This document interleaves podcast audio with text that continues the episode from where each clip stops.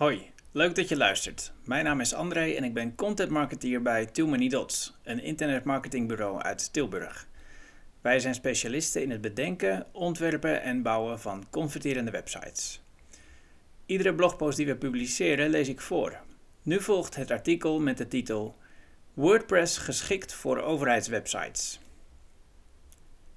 Tientallen overheidswebsites zijn gevoelig voor hacks, berichtte Trouw vorige maand. Want wat blijkt? De inlogpagina van de beheerders is openbaar toegankelijk en dat levert een veiligheidsrisico op. Een hack van de gemeente Hof van Twente maakte dat pijnlijk duidelijk. Wat doen overheidsinstanties fout? Moet WordPress nu volledig in de ban? Als WordPress-specialisten met een sterke focus op digitale beveiliging leggen wij in duidelijke woorden uit wat er is gebeurd en hoe het beter kan. Je zult ontdekken dat WordPress nog steeds een veilige en betrouwbare keuze voor overheidsinstellingen is, mits de nodige best practices worden gevolgd. Geschiedenis van WordPress. WordPress is een content management systeem, afgekort CMS, dat aanvankelijk was bedoeld voor bloggers. Ze konden hiermee gemakkelijk en snel hun ervaringen en gedachtenspinsels met de wereld delen. Dit open source CMS werd constant doorontwikkeld, waarbij aanvullende functies nieuwe gebruikers over de streep trokken. Het duurde niet lang voordat kleine bedrijven, middelgrote bedrijven en vervolgens multinationals WordPress begonnen te gebruiken. Overheidsinstellingen bleven niet lang achter. Waarom de overheid WordPress gebruikt? Inmiddels draait 40% van alle websites op het internet op WordPress. De schaalbaarheid en de vele functies maken dit CMS een veelzijdige oplossing voor allerlei organisaties. Ook overheidsinstanties kiezen steeds vaker voor WordPress en het is begrijpelijk waarom. Zoekmachinevriendelijk. WordPress is allereerst SEO-vriendelijk. Google is dol op dit CMS en geeft WordPress-sites goede rankings. Uiteraard moet je daar als website-eigenaar wel een handje bij helpen. Door bijvoorbeeld Yoast SEO op de juiste manier te gebruiken. Samen beheren. In een grote organisatie als een overheidsinstelling zijn meerdere mensen verantwoordelijk voor het publiceren van content.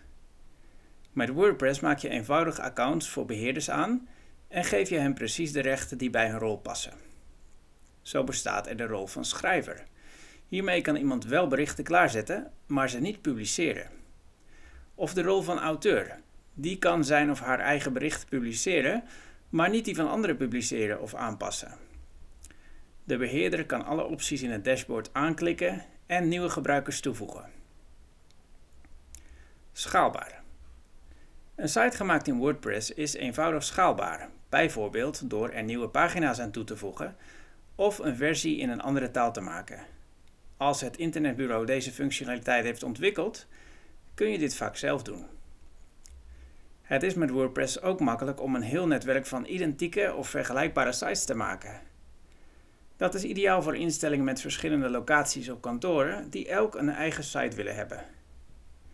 WordPress Multisite maakt het mogelijk om deze met één keer inloggen vanuit een centraal dashboard te beheren.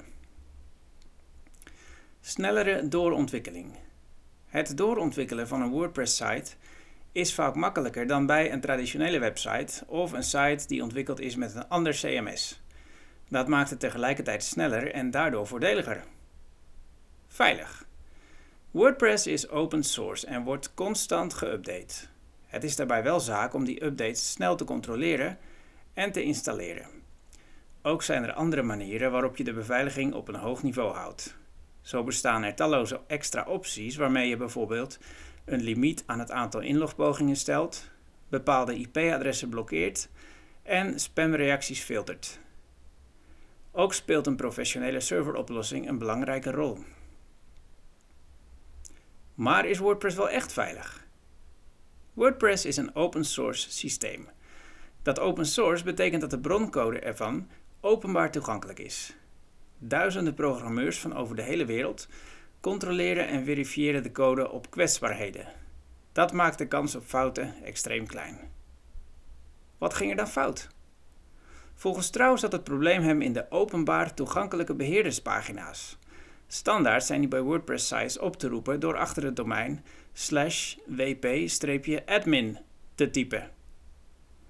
Maar ook al kan iedereen zo'n inlogpagina openen, het betekent niet dat een willekeurig persoon in kan loggen.